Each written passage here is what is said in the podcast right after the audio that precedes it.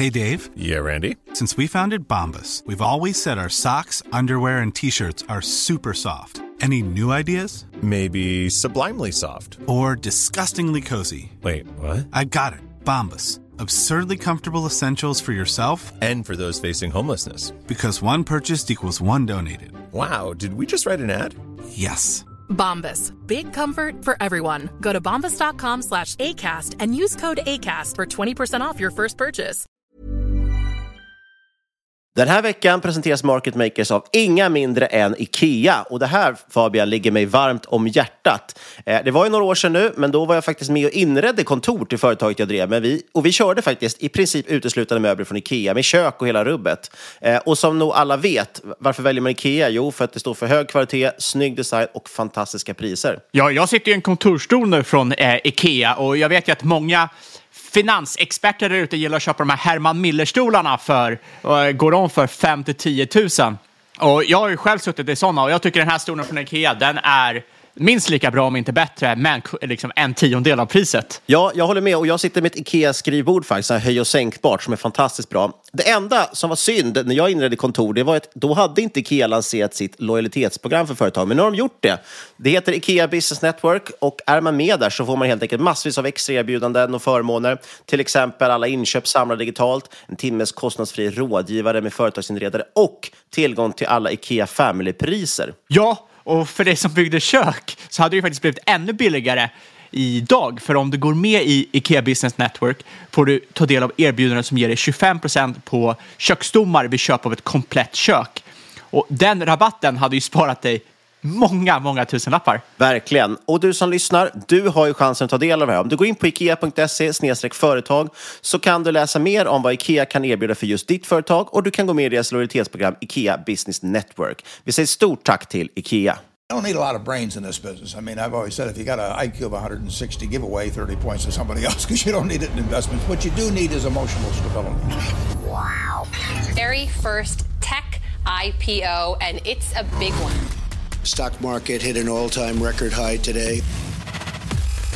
A crash is coming. Now, whether it's six months from now, 12 months, 36 months, no one knows. There's a bear market about every five years. We've gone eight years without one. People have to realize this is the biggest IPO ever.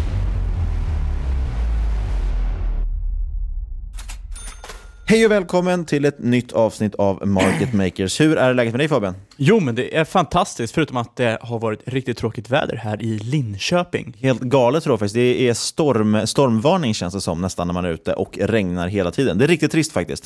Men vi hade ju en jätterolig pub i förra veckan. Det var grymt. Det var faktiskt ja, höjdpunkten måste jag nästan säga i november. Kan man göra det?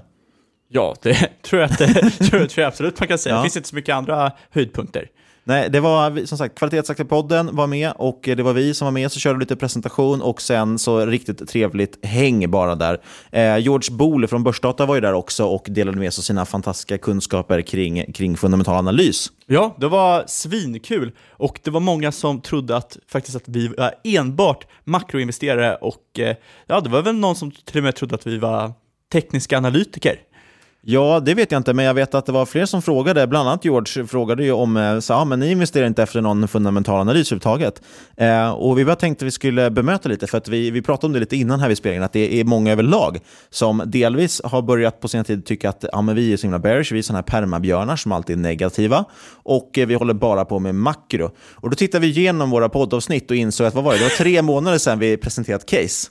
Ja, det är sant. Så Så att, att, eh, jag- jag eh, det är väl befogat i och för sig. Jag förstår att folk tänker så. Men då tänkte vi kanske prata lite om hur egentligen vi ser på marknaden. Eller inte, inte hur vi ser på marknaden, för det har vi gjort i så många avsnitt. Skit i det där, bort med marknaden. Hur vi, tänk, hur vi tittar på investeringar, hur vi tänker. Och eh, det är ju så, innan, alltså om, man, om man lyssnar tillbaka, då, ni som har varit trogna lyssnare vet ju att vi har ju i princip bara presenterat case. Det är ju det enda vi gör i podden. Sen gör vi aldrig någon köprek eller så. Det är inte så att vi köper allting själva eller så heller.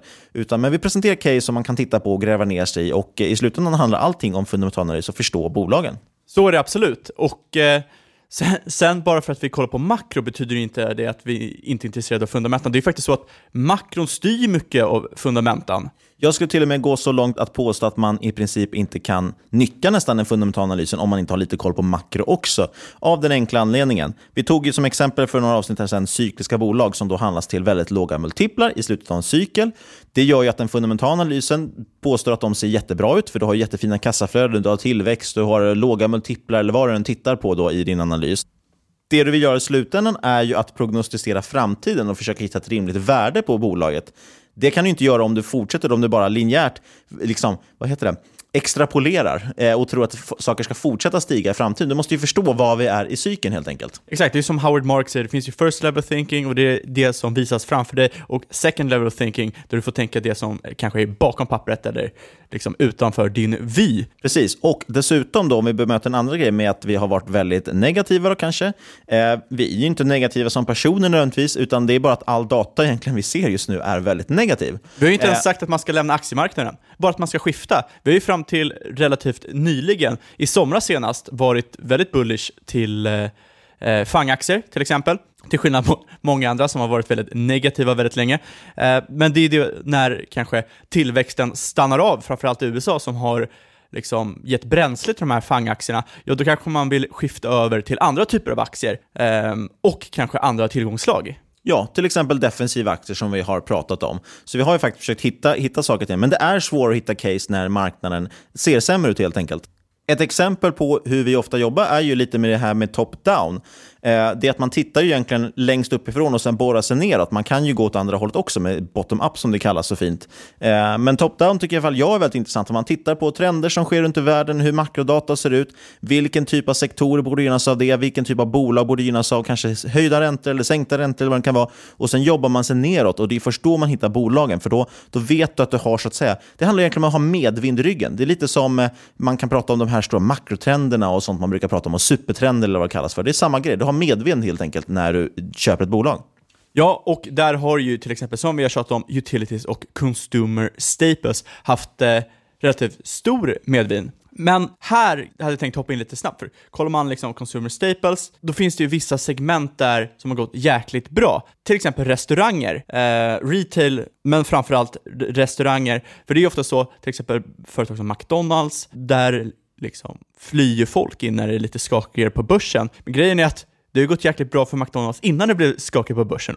Och eh, det är ju faktiskt så att restaurang, den sektorn, den är upp 12% på året jämfört med liksom den bredare marknaden som är upp 2%. Du har ett P, eh, forward P på över 23, som är 8 enheter över eh, marknaden som helhet och dubbelt så högt som historiska mått för den här sektorn. Det jag vill säga är att bara för att vi säger att man kan gå in i utilities och consumer staples så betyder det inte att alla bolag är bra. Du måste fortfarande kolla på fundamentan. Underliggande måste fortfarande vara ett billigt bolag eller fair, liksom fair value. Annars kommer du åka på en eh, nit. Senaste gången till exempel restaurangen var så dyrt jämfört med marknaden var 2016 och eh, ja, då underavkastade eh, restauranger S&P med cirka eh, 20% de kommande 12 månaderna. Och det kan ju hända igen, så var försiktiga, kolla alltid på fundamentan. Precis, det handlar om delvis om värdering, hitta något som är billigt och det är därför vi har haft svårt att hitta case, för det inte är så, det är inte så mycket som är billigt. Skillnaden om man bara tittar tillbaka ett halvår, eh, när man kunde då köpa FANG-aktier, så, då, då satt vi och motiverade att man kunde köpa dem på jättehöga P tal till exempel. Och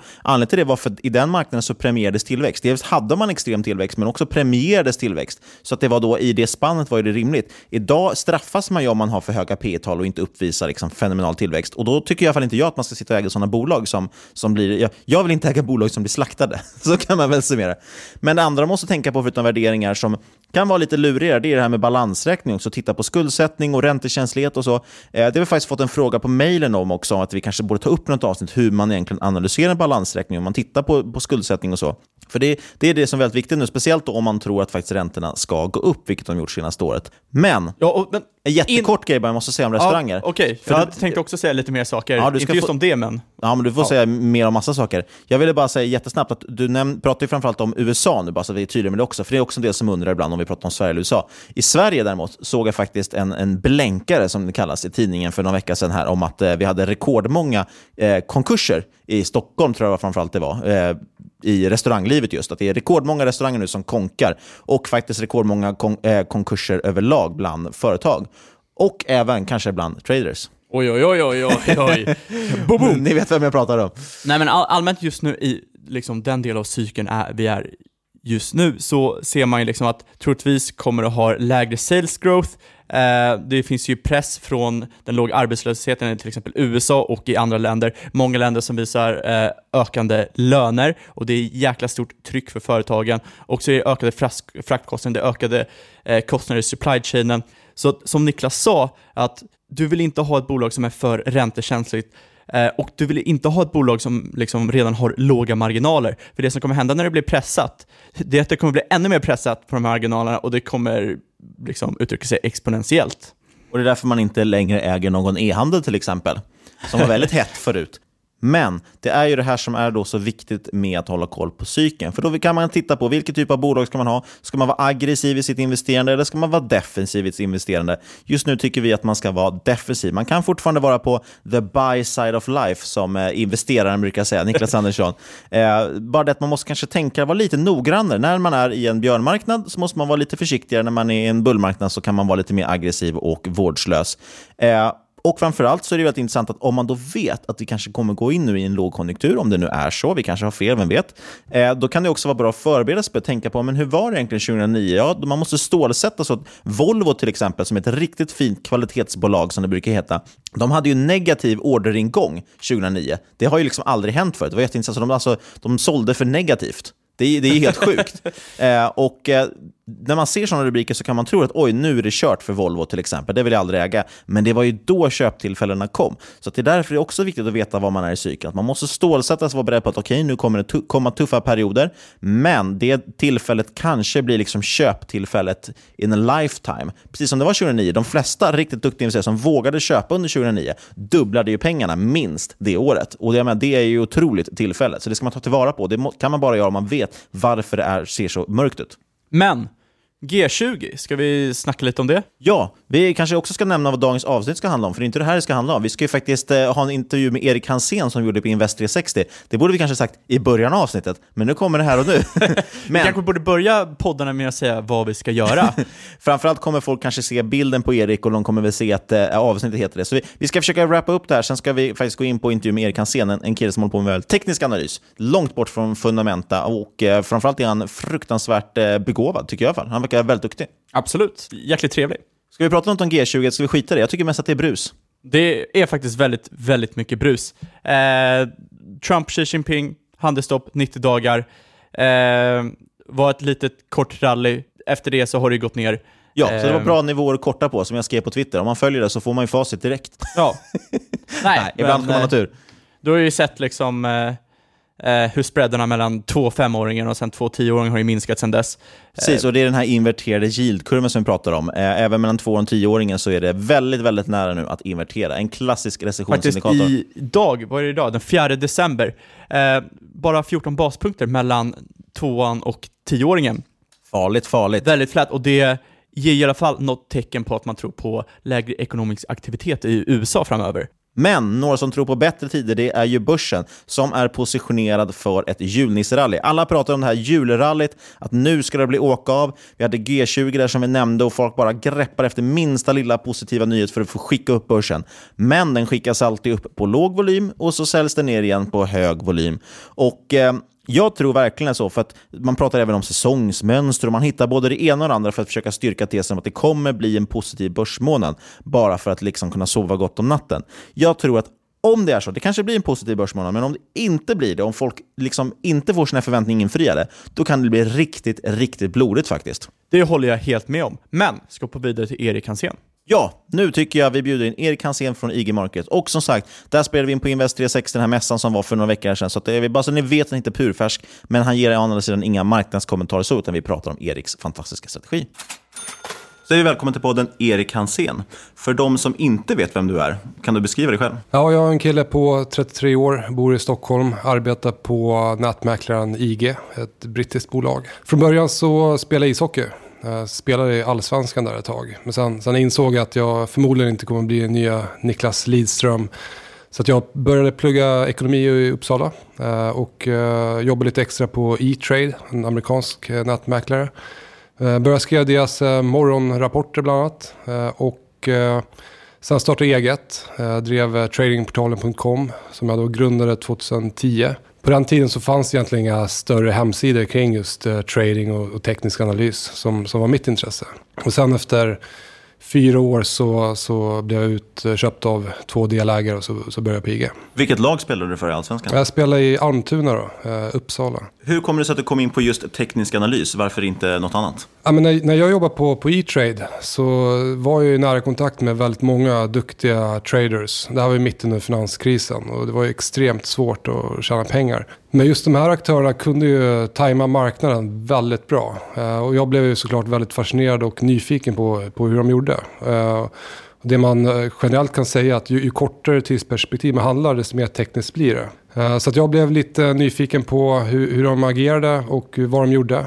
Så jag började läsa lite böcker kring det och har, har jobbat med det sedan dess för att tajma marknaden. Sen har jag alltid en fundamental åsikt i bakgrunden. Då. Hur skulle du liksom beskriva din strategi? Hur ser den ut? Jag har egentligen, eh, i dagsläget har jag man kan säga, två olika huvudstrategier. Jag har en eh, momentumstrategi eh, som egentligen köper styrka. Eh, aktier som, som, som går relativt bra jämfört med börsen. Då.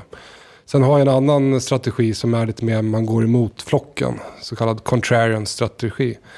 Uh, och där försöker jag hitta marknader uh, och då kan jag screena efter marknader som handlas i bottenfaser eller toppfaser. Försöker då hitta marknader som har gått bra eller gått dåligt som, som ska stå inför ett trendskifte. Vi börjar med momentumdelen då. Det kan man ju definiera på många olika sätt. Vad definierar du som momentum? Hur hittar du momentum? Jag kollar ganska enkelt på aktier som då bryter upp till nya högsta nivåer eller bryter ner från, från nya högsta nivåer. Uh, det är egentligen inte svårare än så. Sen ibland kollar jag också på Eh, lägger till en eh, relative eh, strength comparison indikator som då visar om aktien då går starkt eller svagt relativt mot börsen. Då.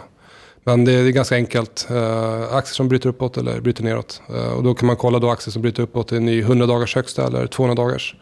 är man lite mer kortsiktig då så kan man kolla efter aktier som bryter uppåt till en ny 10 dagars högsta till exempel. Inget glidande medelvärde eller någonting sånt? Eh, jag eh, kollar väl på glidande medelvärde också såklart. Eh, eftersom alla kollar på 200 dagars eh, så är det såklart bra att ha med det i grafen. Eh, det filtrerar bort bruset. Men alla glidande medelvärden och alla indikatorer de laggar ju priset. Så att i början så var det lite grann så att man jag precis som alla försökte hitta någon indikator som skulle göra att jag tjänade massa pengar. Men eh, jag insåg ganska snabbt att eh, det funkar inte så. Det är inte så enkelt. Det skulle vara så enkelt att en indikator skulle ge dig bra köp och säljsignaler så skulle alla vara miljonärer på det här. Utan eh, det man måste förstå är att en indikator ska egentligen bara ge ett beslutsstöd i analysen. Och man tar besluten från själva priset. det är det som styr och försöka hitta områden och, och nivåer och, och, marknader som, som då handlas i intressanta formationer eller eh, lägen. Så du använder inte HSI? Eh, det gör jag tyvärr inte, men det verkar vara en bra indikator. Tidshorisont då? Hur långa liksom, trades handlar det om? I dagsläget så har jag en 30-dagars regel på, på aktier eftersom jag jobbar på IG. Eh, så köper jag en aktie så måste jag vänta då minst 30 dagar innan jag får sälja. Får dock sälja med förlust om det gått ner 10 Uh, index, råvaror, valutor får jag handla lite mer aktivt. Men det, det är främst eh, aktier som handlar i dagsläget och uh, lite råvaror. Men tidigare så handlade jag mycket mer aktivt såklart. Men jag har ju vant mig lite grann med 30 dagars regeln och jag försöker hitta sektorer och aktier som, som visar en bra styrka. och sen har jag den andra strategin som är lite mer contrarian och försöker hitta aktier som har kanske laggat eller eh, gått väldigt starkt och som, som jag tror ska, ska toppa. Då. Du brukar lägga ut liksom lite historik på bland annat eh, dina olika sociala medier om hur trades har gått. Ja, absolut. Uh, det du nämner där, jag tror du refererar till backtest uh, mm. som jag brukar lägga upp. Ja, just det. Och det som jag lägger upp då det är att egentligen, okay, marknaden befinner sig i det här läget och då kör jag ett backtest på hur det har sett ut historiskt. Till exempel då om RSI har fallit under 30, vi är översålda. Eh, uh, luta här på, på oljan ganska nyligen. Okej, okay, hur, hur, har det sett ut historiskt när oljan har varit översåld? Uh, och vi säljer efter, säg fem dagar, tio dagar, en månad. Uh, och då kan man väldigt tydligt se om man har då, ju, ju, längre data desto bättre såklart. Så då hade jag data från 70-talet och då kunde man se att ja, men det är en väldigt dålig strategi att köpa oljan när den är tekniskt översåld. Eh, så att eh, då, då vet jag att men det här kanske inte är en, ett case som jag ska ta.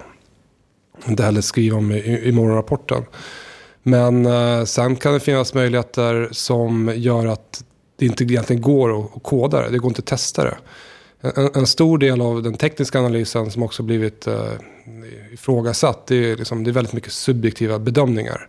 Om man kollar på till exempel vågteorier, eller cykler, säsongsmönster.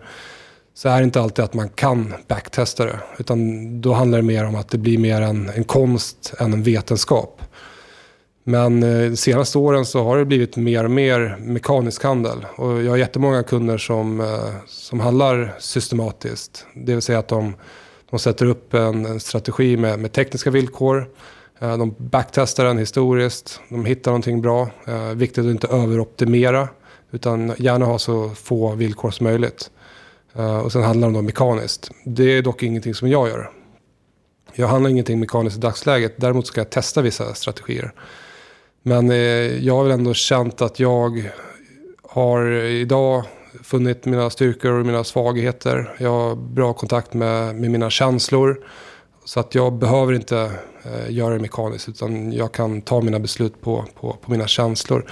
Och det är också någonting som är väldigt intressant med just känslor. Att många böcker så läser man att man ska koppla bort sina känslor från, från tradingen eller sina investeringar. Men det är, det är praktiskt taget helt omöjligt att koppla bort sina känslor. De som mm. säger det, de har förmodligen inte handlat eller eh, kanske inte ens heller varit framgångsrika. Varje beslut du tar är baserat på en känsla. Så det handlar om att observera sina känslor och lära känna sina känslor. Vad man är bra på och vad man är dålig på. Eh, och inte dras med av eh, optimismen eller pessimismen i marknaden, rädslor, girighet och så vidare. Utan lära känna sig själv, veta vad man har för styrkor och svagheter och eh, ja, observera sina känslor istället. Jag vill ju fastna vid lite vid det här vid tidshorisont som vi pratade om. Vad ser du för för och nackdelar med att ha till exempel, om vi tar 30 dagar som exempel, eller snarare så här, vad ser du för för och nackdelar med att ha lång tidshorisont jämfört med kort tidshorisont? Ju, ju kortare tidshorisont du har, desto mer uh, mental styrka behöver du ha. Uh, och desto större disciplin. Uh, liksom, det krävs extremt mycket på det psykiska när det handlar kortsiktigt.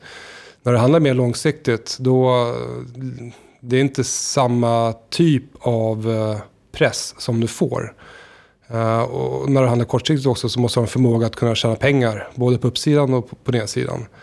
Så det, det, ställer betydligt mycket högre krav. Men det finns också en eh, väldigt uh, stor reward uh, om du är duktig på det. Och om vi går tillbaka till det här andra benet av din strategi med contrarian-biten. Hur hittar man den typen av case? Ja, när det kommer till, till aktier så kollar jag egentligen på vad som har gått dåligt och vad som har gått bra. Jag kollar på andelen köprekommendationer från analytikerna. Oftast när eh, aktier toppar så brukar bolagsvinsterna vara väldigt höga. Eh, utsikterna, den allmänna åsikten om utsikterna brukar vara väldigt eh, goda. Men aktier toppar ju alltid innan bolagsvinsten vänder ner. Och då kan man ju då till exempel screena efter olika tekniska villkor. du kan screena då, min toppfas-screener, där har jag ett 200 dagars glidande medelvärde. Och sen har jag att eh, aktien då bryter ner till en ny 100 dagars lägsta. Då brukar man fånga upp de här toppfaserna. Och en bottenfas, det är det omvända. Vi vill se att vi har 200 dagars glidande medelvärde i en fallande lutning. Men sen då att aktien bryter upp till en ny 100 dagars högsta. Då är det ett sätt att fånga upp bottenfaser. Det är så jag gör. Det finns säkert många andra sätt att göra det på också. Man kan säkert optimera den här screenen. Men eh, det är så jag hittar. Och, och fördelen med att screena det är att det är inte bara svenska bolag utan det är även, eh, jag kan screena europeiska aktier, eh, norska, danska, amerikanska, råvaror, krypto, eh, index till exempel. Vad använder du för verktyg när du screenar? Ja, det programmet heter Pro Realtime. Som jag använder. Och det är helt gratis. Man kan gå in på prorealtime.com. det kostar pengar då man har realtidskurser. Men uh, sen, man kan också få det om man, om man handlar via IG. Uh, eh, gör man fler än fyra affärer i månaden så får man gratis. Men just den här screeningfunktionen funkar jättebra bara med att liksom ladda hem uh, programmet från prorealtime.com. Och det är ganska enkelt också att sätta upp screeners. Och det finns också en hemsida som heter prorealcode.com där man kan ladda hem massa screeners som andra har skapat. Uh, använda dem eller få lite inspiration på hur andra screen efter marknader. Men det jag kan tillägga är att det, är endast tekniska eh, villkor man kan sätta upp. Man kan inte screena efter fundamentala data som, som P tal eller andra vinstmultiplar eller marginaler och så vidare. Utan det, det är tekniska villkor.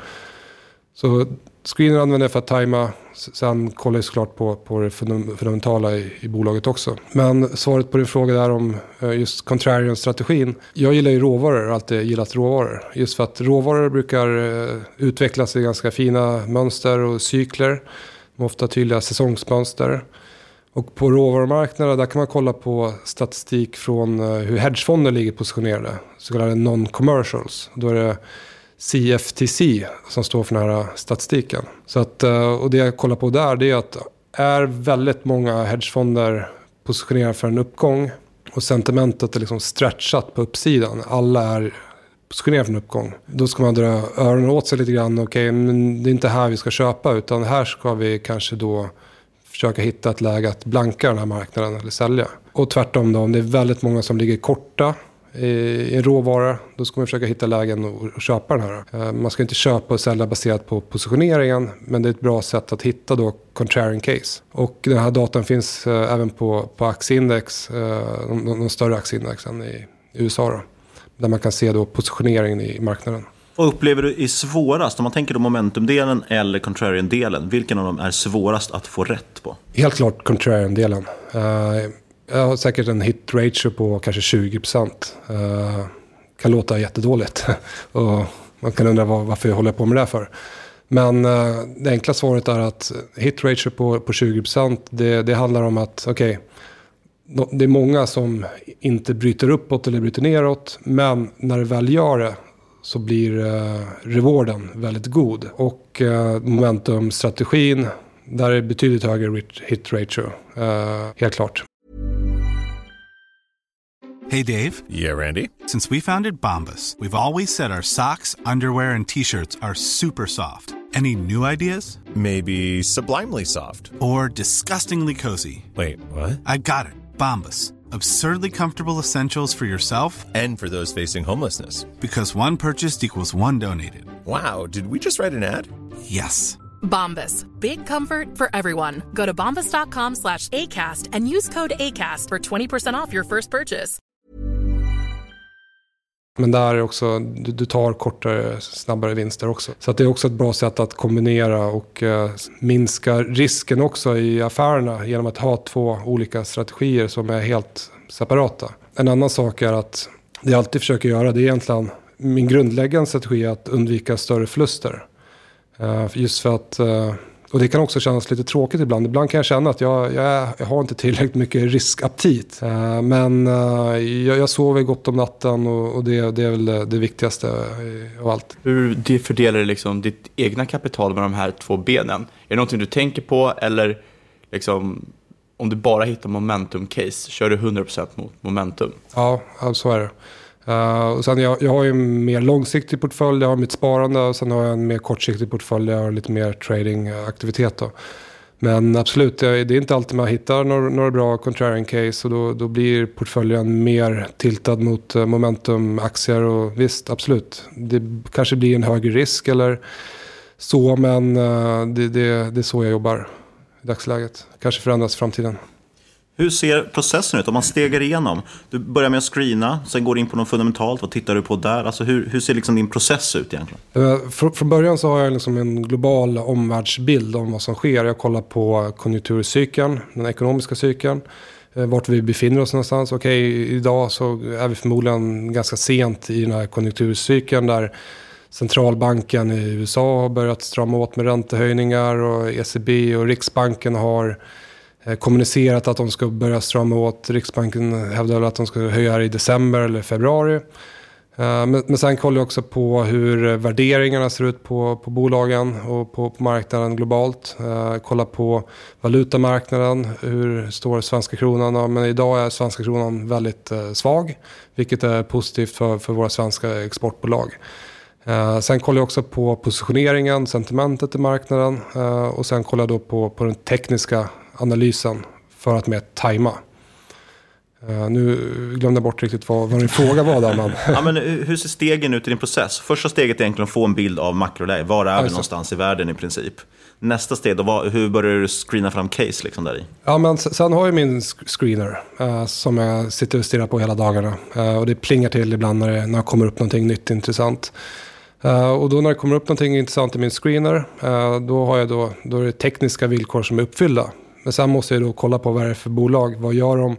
Eh, jag vill gärna ha en, en fundamental bild av det här bolaget eh, och förstå vad de håller på med. Jag vill också se att de har eh, starka utsikter.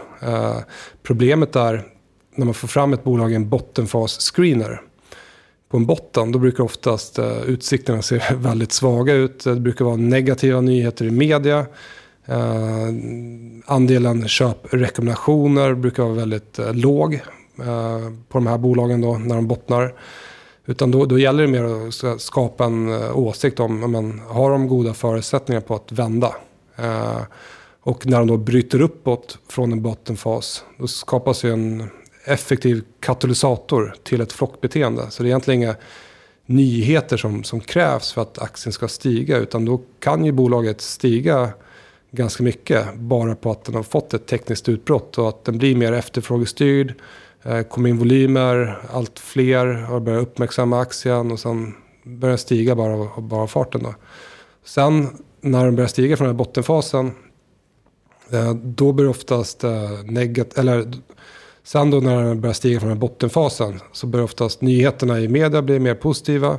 Uh, några kvartal senare så börjar bolaget uh, komma med starka rapporter.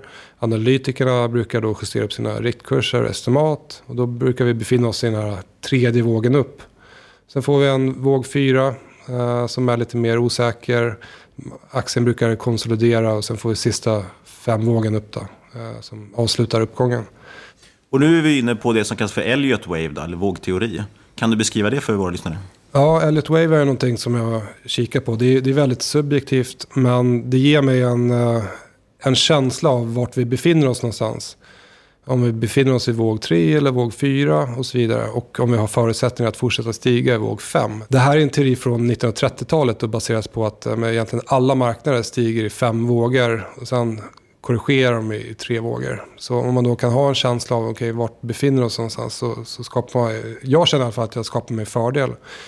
Eh, det finns jättemånga som säger att Elliot Wave fungerar inte. Nej, det, det fungerar inte att testa det mekaniskt. Det, det, du kan inte backtesta Elliot Wave. Uh, Men jag känner att det ger mig en edge. Uh, Jag känner att uh, det tillför någonting i min analys och därför använder jag det.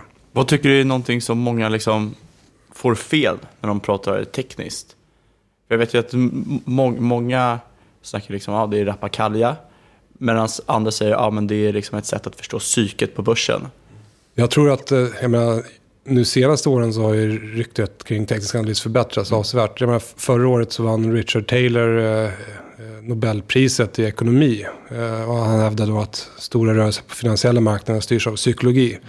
Det kan ju låta självklart för oss, men i den akademiska världen har det inte alltid varit självklart. Utan de har ju då antagit att alla individer fattar rationella beslut. Men så är det inte. Och den tekniska analysen den försöker då fånga upp de här äh, psykologiska mekanismerna.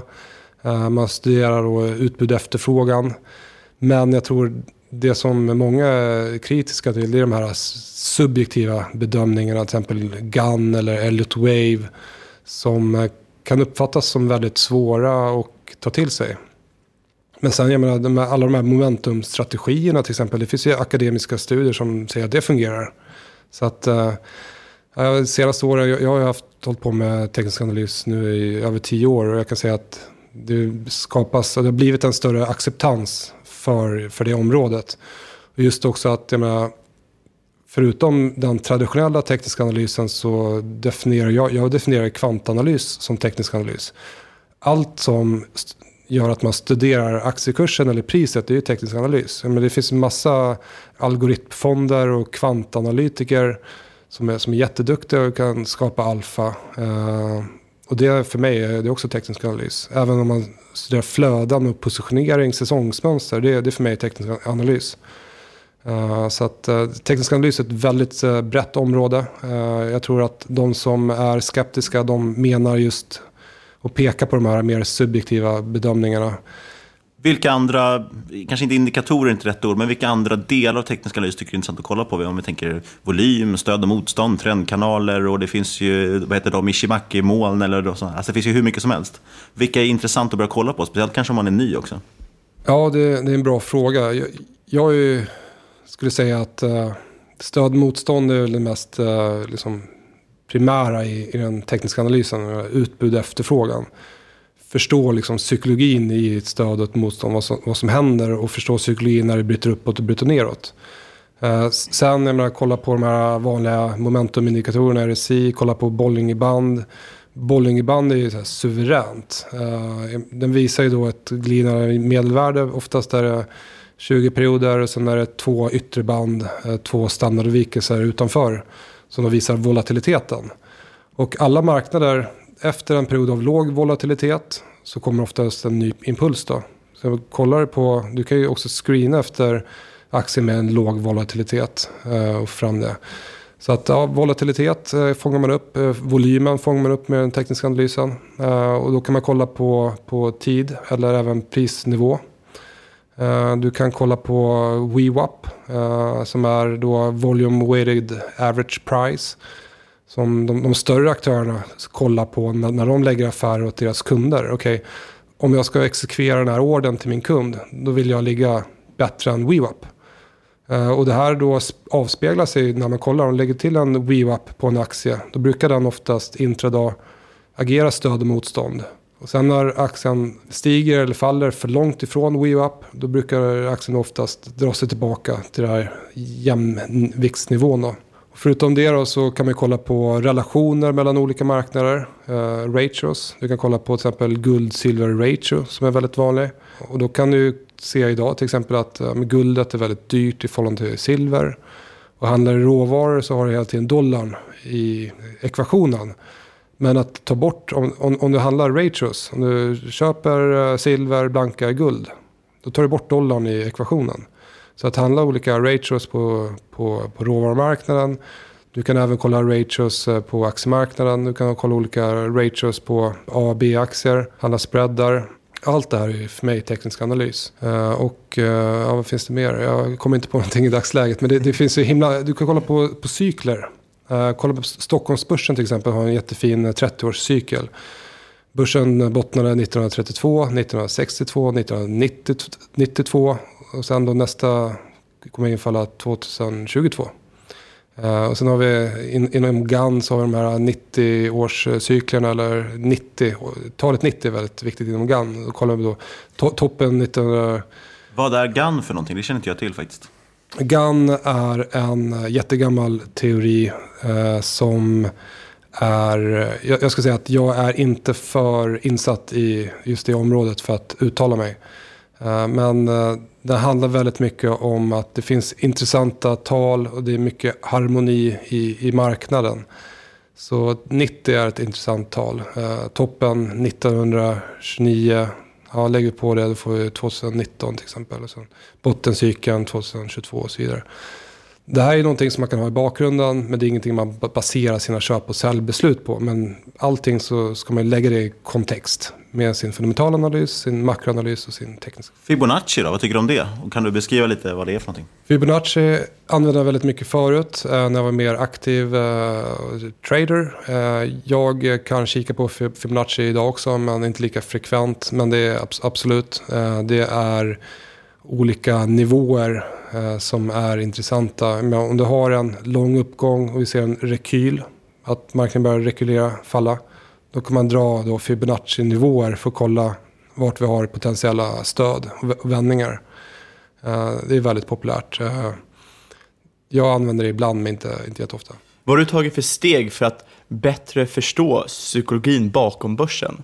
Ehm, allting började egentligen med när jag jobbade på E-trade och jag såg jättemånga duktiga traders som kunde tajma marknaden när det var väldigt stökigt där under finanskrisen. Ehm, och jag insåg redan då att men, förutom den traditionella ekonomin som jag har läst eh, på universitetet så, så måste jag förstå hur, hur aktörer agerar eh, för att kunna hitta en, en edge i marknaden. Och det finns en jättebra bok som heter eh, Trading in the Zone med Mark Douglas som jag starkt kan rekommendera. Eh, sen har jag också, jag, menar, jag har ju ett stort intresse för psykologi överlag. Eh, min, eh, min sambo håller på att plugga till att bli psykoterapeut. Så hon är också med och hjälper till väldigt mycket. Jag håller också på att utveckla mig själv väldigt mycket. Jag mediterar varje morgon just för att komma i kontakt med min högre kraft och komma i kontakt med mina känslor och tankar.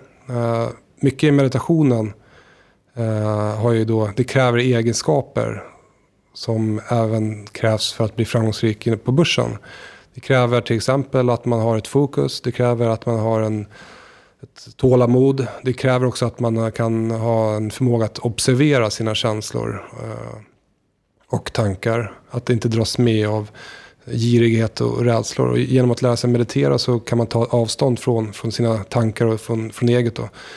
Så att eh, psykologin är jätteintressant. Vi hade en tradingpsykolog i vår podd här eh, för några veckor sedan. Eh, som pratade lite grann mer om det här. Han pratade lite grann om hypnos. Vilket är superintressant. För att då, då kommer du ner och hittar en undermedveten intelligens. Har du ett arbete som kräver fler än sex faktorer när du ska ta beslut. Så är det väldigt stor vikt av att du kan ta snabba beslut. Eh, och har du då kontakt med ditt undermedvetna. Så får du en lättare förmåga, en snabbare förmåga att kunna fatta beslut på, på känsla. Och du vet lättare om det är rätt eller fel beslut. Så, så just meditationen är superviktig för mig. Eh, och eh, jag kan rekommendera att lyssna in på det där avsnittet med tradingpsykologen i vår podd här senast. Hur hinner du med att meditera innan du skriver morgonbrevet? Du måste vara uppe sjukt tidigt.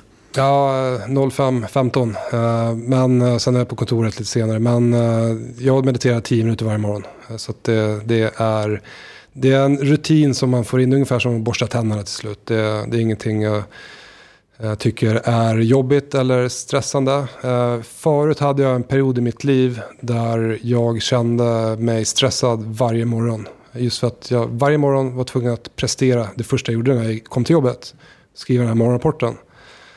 Eh, men eh, så att jag är väldigt eh, tacksam och glad över nu att jag hittat ett verktyg i mitt liv som gör att jag liksom varje morgon kan samla mina tankar och liksom koppla upp mig ordentligt. Och vara betydligt mer samlad sen när, när jag sätter mig på, på jobbet. Hur kom du in på meditation från början? Jag, menar, det är, jag har läst jättemycket nu att det är jättemånga investerare som har börjat använda sig av det och företagsledare. Det verkar ju som, eh, det är nästan som den liksom nya grejen som alla måste göra. Men du vet, eh, traders på, på bankerna i, på Wall Street. De mediterar ju på kontoret. De har så här samlingsrum och sådär. De har yoga och så vidare. Så jag tror det kommer bli betydligt mer populärt. Eh, Jag har ju haft lite kundevents där vi har kört yoga. Jag, jag, jag har kommit in på det via min, min sambo, he- helt klart. Och för att mycket av det bruset som vi har i huvudet, det kan man ju då filtrera bort. Eh, och har du en förmåga att kunna observera dina känslor istället för att hela tiden vara delaktig och liksom tro att dina tankar är du.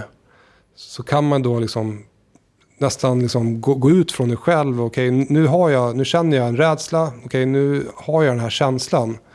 Och då kunna istället observera den och kunna ha mycket enklare att, att ta ett eh, rationellt beslut. Det, det kan låta jätteluddigt där, men det, är- i, i början så meditationen handlar ju egentligen bara om att träna upp sin koncentrationsförmåga. Att till exempel då fokusera på, på sin andning. Går tillbaka till det du sa med att du såg väldigt många framgångsrika traders. Du såg antagligen också väldigt många inte så framgångsrika traders. Vad är de vanligaste misstagen folk gör? Det absolut vanligaste misstaget eh, som eh, nya traders gör, det är, för, för det första så har de fel eh, förväntningar. De, de tror att det ska vara väldigt enkelt att tjäna pengar på kortsiktig handel, vilket det inte är. Det är jättesvårt. Eh, för det andra så har de inte någon bra koll på riskhanteringen. De fokuserar oftast på liksom, köpsignaler, när ska jag köpa? Eh, De har ingen bra process för att veta vad de ska göra ifall positionen går åt fel håll. De vet inte heller riktigt när de ska sälja. Uh, Och för det tredje, framförallt uh, det största misstaget är att de tar alldeles för stora positioner när de går in. De tar en så pass stor position vilket gör att de tar en väldigt tight stopploss. Så att ett, ett vanligt, uh, en vanlig sak som jag ofta ser är att man blir utstoppad väldigt ofta, helt i onödan, av ett brus i marknaden. Just för att man har en för stor position. Istället då, då ska man ta en mindre position och så ska man ha ett längre, en längre avstånd till sin stopploss. Så att man kan vara med lite grann i svängningarna. Sen kan man skala in i positionen, skala ur positionen. Men det absolut vanligaste misstaget är att man har för, för stor position och för tight stopploss. Sen, jag menar, ett uh, genomgående även för, för långsiktiga investerare det är att man tar vinsterna alldeles för tidigt. Uh, just för att uh, rent mentalt, det känns bra att ta hem en vinst. Det känns jättejobbigt att realisera en förlust, eller hur? Eh, uh, ja, hoppet är det sista som överger oss. Så att vi vill gärna ligga kvar de här förlusterna väldigt länge. Uh, hoppas på att det ska vända till slut. Och till slut så kanske vi inte ens loggar in på den depån. för att det känns för jobbigt. Men de här vinsterna, de tar vi gärna hem så snabbt som möjligt. Eftersom det, det känns skönt att ta en vinst. Så att försöka vända på den ekvationen. Försöka låta vinsterna löpa lite längre och ta förlusterna korta. Men sen, och sen om man handlar väldigt kortsiktigt då, då ska man försöka ta mindre positioner och ha en längre, längre avstånd till stoppen. Just för att vara med i lite, lite rörelser. Hur mycket loggar du och tittar på de, de affärer du har gjort? Alltså skriver du ner kriterier, varför köpte jag det här, varför sålde jag det här och så vidare? Ja, förut hade jag en tradingdagbok. Jag skrev på, på ett papper eh, varje eh, kväll då, eh, vad jag gjort. Eh, det här är faktiskt ingenting som jag gör i dagsläget. Dels för att jag är inte lika trading-intensiv som jag var tidigare. Eh, och dels för att jag känner att jag, jag har tillräckligt bra sätt att utvärdera det jag håller på med. Eh, och är det någonting som inte fungerar så, så ser jag det ganska snabbt. Men det är absolut någonting som, som är jättebra att göra i början. Jag menar, ta en print screen på, på grafen på eftermiddagen eller kvällen. Eh, och du, du ser ju tydligt i, i grafen där du har köpt och sålt. Uh, Handlar det då via IG så har du liksom pilar eh, där du har köpt och sålt. Så ta en printscreen på det och lägg några korta kommentarer. Uh, ge också en kommentar om hur du har liksom mått. uh, hur du har känt. Har, har du känt dig stressad eller har du mått dåligt? Uh, har du känt uh, rädslor, girighet och så vidare. Det är jätteviktigt. Några snabba går ut på att vi säger ett ord eller en mening och det första du associerar det till, ja, det är det du ska säga helt enkelt. Oj, låter skrämmande. Så vi tar guld. Oj, eh, jättebra nu, väldigt långsiktig. Bitcoin. Eh, väldigt svårt. Jag har svårt att förstå vad, vad som ska styra priset uppåt. Elliot Wave eller vågorna på Ibiza? Elliot, Mest intressanta sektorn just nu? spela. Varför? Kan leva på egna meriter. Behöver inte eh, gå ner bara för att eh, konjunkturen toppar. Och då tänker vi alltså på gaming, eller inte betting? Och, Ja, och, gaming. eh, precis, ja. Favoritbok? Lev livet fullt ut med Eckart Tolle. Varför är det din favoritbok? Den får mig att eh, lära mig att leva i nuet och vara närvarande. För den som vill följa dig framöver, var kan man hitta dig? Jag finns på Twitter, eh, Erik Hansén. Finns även på Instagram, Higher Lows. Och eh, jag har ganska nyligen eh, börjat podda tillsammans med Jonas Olavi. Och den podden heter eh, Börssnack med Hansén och Olavi. Den får ni lyssna in på. Då säger vi stort tack Erik för att du gästade podden. Tackar, tackar. Vi säger stort tack till Erik Hansén som gästade Market Makers.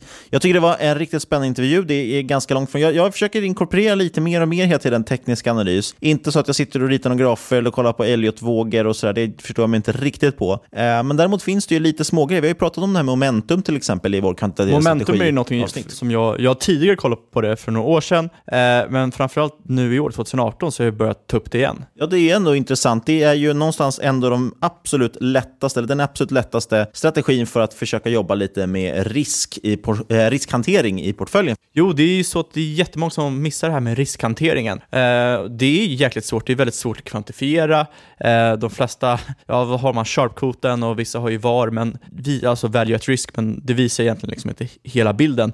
Så enklaste sättet för liksom retail-investerare, det är att ha någon så här momentumstrategi. Och man har ju liksom det finns ju mycket backtesting på det här. O'Shaughnessy är ju en legend. Hans bok heter ju What Works on Wall Street och vi har ju en hel podd om det här. Så eh, nej, men jag är, jag är lite, lite fast vid olika kvantitativa strategier, även om det har fått ett rätt dåligt rap senaste året som eh, teknisk analys. Liksom. Jag tycker ändå att det är intressant. Och som sagt, vi, vi får ju också alltid lite skit när vi uppmanar folk till att vara aktiva. Eh, som sagt, om du kör buy and hold, kör buy and hold, men vet varför du, du ska veta varför du gör det och då stå fast vid det. Om du inte gör det, om du vill hålla på lite med liksom faktiskt sälja saker ibland också. Eh, alltså bara som exempel, vi var ju här på en, en skola här i Linköping för några veckor sedan och föreläste, superkul. Eh, och vi har varit där förut en gång och då kommer jag ihåg ett så tydligt exempel. Då var det en elev, nu ska jag inte hänga ut någon, jag hoppas inte någon tar illa upp. Men det var ett tydligt exempel, för då var det en, en där som hade en fråga just så här, ja, men hur vet man när man ska sälja en aktie? Och det är inte så himla lätt. Alltså jag tyckte det var svårt nog när man började veta varför man skulle köpa en aktie och vad en aktie var och vad, vad man skulle göra med den liksom, och vilka som skulle gå upp. Eh, och det är ännu svårare då om man faktiskt hamnar snett i någonting. När ska man sälja? Ska man sälja på 10% minus? Ska man sälja på 20% minus? Det finns ju inga regler. Det beror ju helt på vad det är för strategi. Och då kan jag tycka att om det nu är så att man ligger väldigt snett, då kanske någonting enkelt som MA200 eller vad det än kan vara, liksom, alltså någon, någon väldigt enkel form av riskhanteringssystem, det blir ju ändå det. För då kapar man det i alla fall, förhoppningsvis tidigt nog. Ja, speciellt nu när liksom, just psykologin börjar ta en liksom, allt större aspekt av investering. Det känns väldigt konstigt att man inte ska ha olika verktyg för att försöka tygla psykologin, utan man bara ska kolla på det liksom, matematiska eller bara hålla sig till liksom, jag vet inte, en investeringsstrategi. Samtidigt blir det så här, man kan inte referera till Warren Buffett heller som alltid buy and för han är en extrem, han är en extreme case. Exakt som de här tradersen som handlar tusen gånger om dagen. Du, varken du eller jag liksom, eller någon som lyssnar här är troligtvis där, utan du får ju ta någonstans mittemellan och försöka liksom, ha någon, liksom, diversifiera dina strategier och det kommer antagligen funka bäst i längden. Precis, men vet du vad? Vad? Inget av den här podcasten ska ses som rådgivning. Alla åsikter är våra egna eller gäst, vår gästs och eventuella sponsorer tar inget ansvar för det som sägs i podden. Jo, för det är så att du måste tänka på att alla investeringar är förknippade med risk och sker under eget ansvar. Men vill man prata med oss, vi har fått mycket mer mejl på senaste tiden. Jag är jätteglad för det. Kanske var för att jag sa det, att vi faktiskt svarar på mejlen. Ja, vi Eh, kanske ska säga det att vi, vi har ju fått mycket bra liksom, kommentarer om eh, det här med slides. Just det, så just vi det. tänkte att i framtiden kanske vi ska köra lite mer slides från och med i eh, januari, februari och framåt. Nu har vi rätt mycket inbokat tills dess, men eh, Ja. kanske köra lite oftare med slides, kanske ha gäster med slides och liknande. Precis, vi kommer ibland ta fram slides väl till nästa vecka, för då kommer vi faktiskt presentera några case. Vi Mm. pratade om det här i intro, att vi måste Intressant, prata intressant. case igen, så det ska vi göra nästa vecka. Det får ni se vad det blir för någonting. Då kommer vi garanterat ha några grafer. Om de är bra eller inte har jag ingen aning om, men någonting i alla fall som man kan kika på. Eh, som sagt, om ni vill kontakta oss i alla fall, gå, i, äh, gå in, behöver ni inte göra. Ni kan mejla till podcast@marketmakers.se eller så skriver man till oss på Twitter, at marketmakerspod. Vi blir jätteglada när folk taggar in oss i grejer och säger att podden är bra och sådär. Vi blir inte lika glada när ni säger att podden är dålig. Eh, lämna jättegärna en recension på iTunes, det får ni gärna göra, speciellt om ni tycker att podden är bra där också. Skriv gärna något positivt, ge oss fem stjärnor eller något, det är superbra för oss. Och sist, men absolut inte minst, tack för att du har lyssnat. Vi hörs igen om en vecka. Verkligen, stort tack, ha det fint.